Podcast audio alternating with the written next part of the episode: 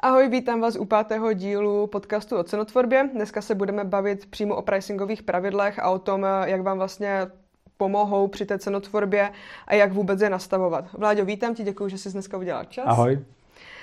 Um, Test, pricingové, pricingové pravidla. Důležité jsou vlastně zejména z toho důvodu, nebo ne zejména z toho důvodu, ale jsou vlastně nejdůležitější, protože říkají vlastně té aplikaci, co má dělat, jak má přeceňovat, jak s těmi produkty má naložit a jak se ta cenotvorba má vyvíjet. Samozřejmě testovací pravidlo, je to vlastně něco, co, nebo je to funkce, která vlastně drží ty data pod pokličkou. Vidíme je právě jenom v rozhraní té aplikace, je to taková vychytávka. Vláďo, dostávám se k tomu úplně vlastně na začátek, co klienti třeba využívají, nebo co využíváš ty. Využíváš ty to testovací pravidlo, anebo jak vlastně přistupuješ eh, na začátku k těm pravidlům, co nastavuješ? No, je to tak, já ho vlastně používám pořád, jo, protože uh, používám ho pokaždý, v, když nastavím nějaký nový pravidlo. Jo, takže když dělám nějaký první testovací, tak si ho tak i pojmenuju a zapnu si to a vidím ty data, co, co, co mi to dělá, ale neovlivňuji si tím to nikde na výstupu. A poté, co to vlastně si odsouhlasíme s klientem nebo zjistíme, že to je dobrý, a tak to odškrtnu a jedeme dál na ostro. Mm-hmm.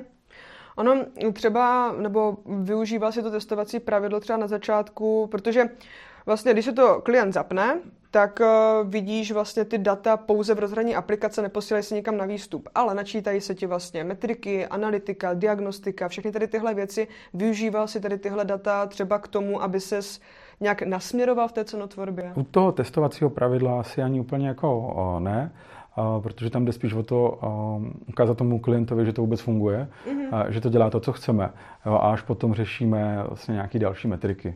Mm-hmm. V Pricing Foxu je vlastně možné e, ty pravidla nastavit e, buď na všechny produkty, na výběry vlastně z Mergada nebo na uložené filtry.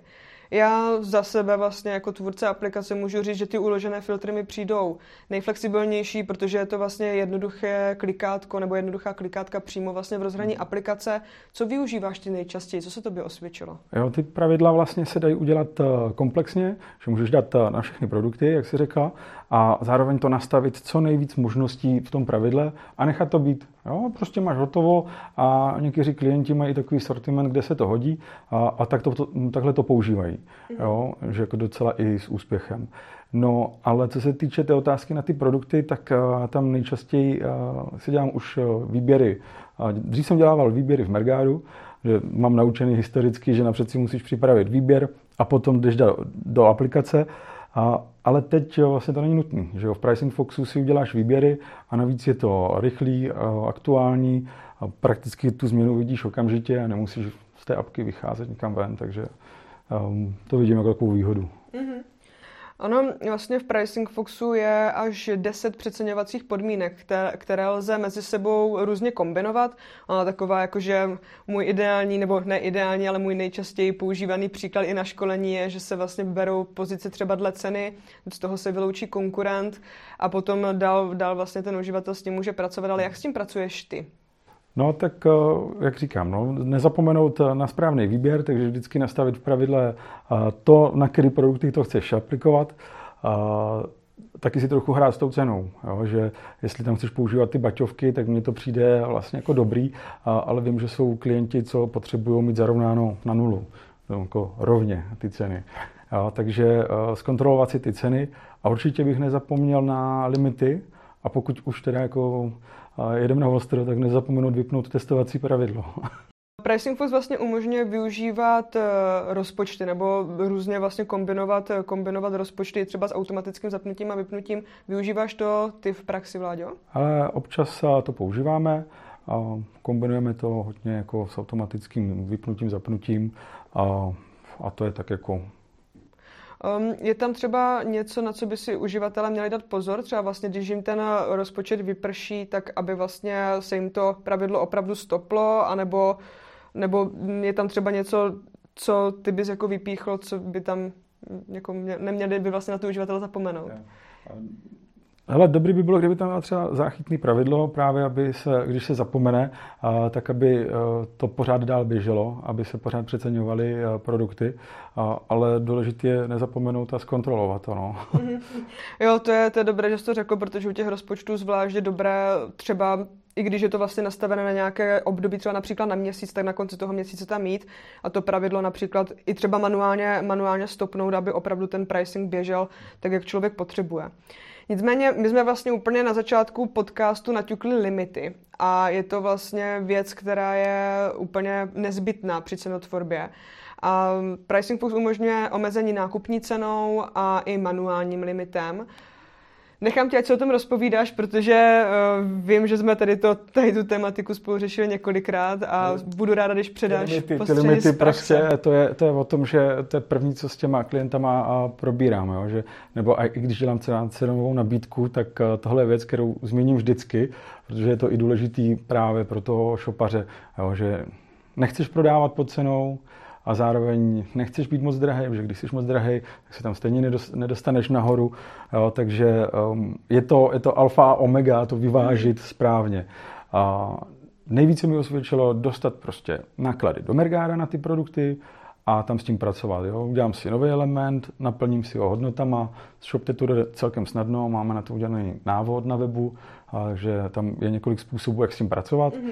A, a tohle je jako nejčastější a můj nejoblíbenější způsob, protože je vlastně nejpřesnější.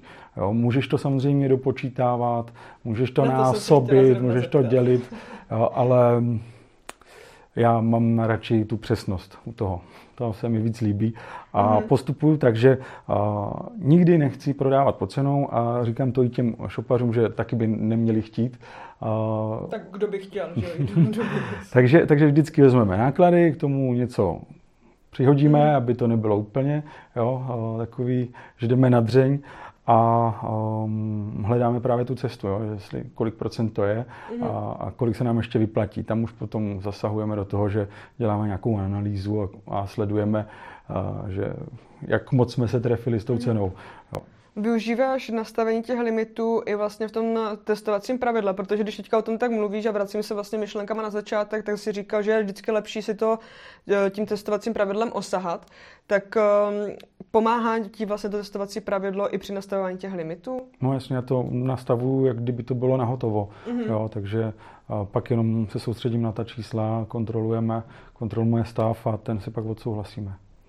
Máš třeba nějaké zásady nebo vlastně nějaký jako nechci úplně říct zásady, protože takové straš, strašně striktní slovo, ale vlastně jakože něco, čeho se fakt jako držíš eh, při nastavování těch pricingových pravidel, protože je to vlastně alfa a omega celé té cenotvorby. No, tak eh, důležitý je si říct, eh, kolik si chceme říznout do té marže.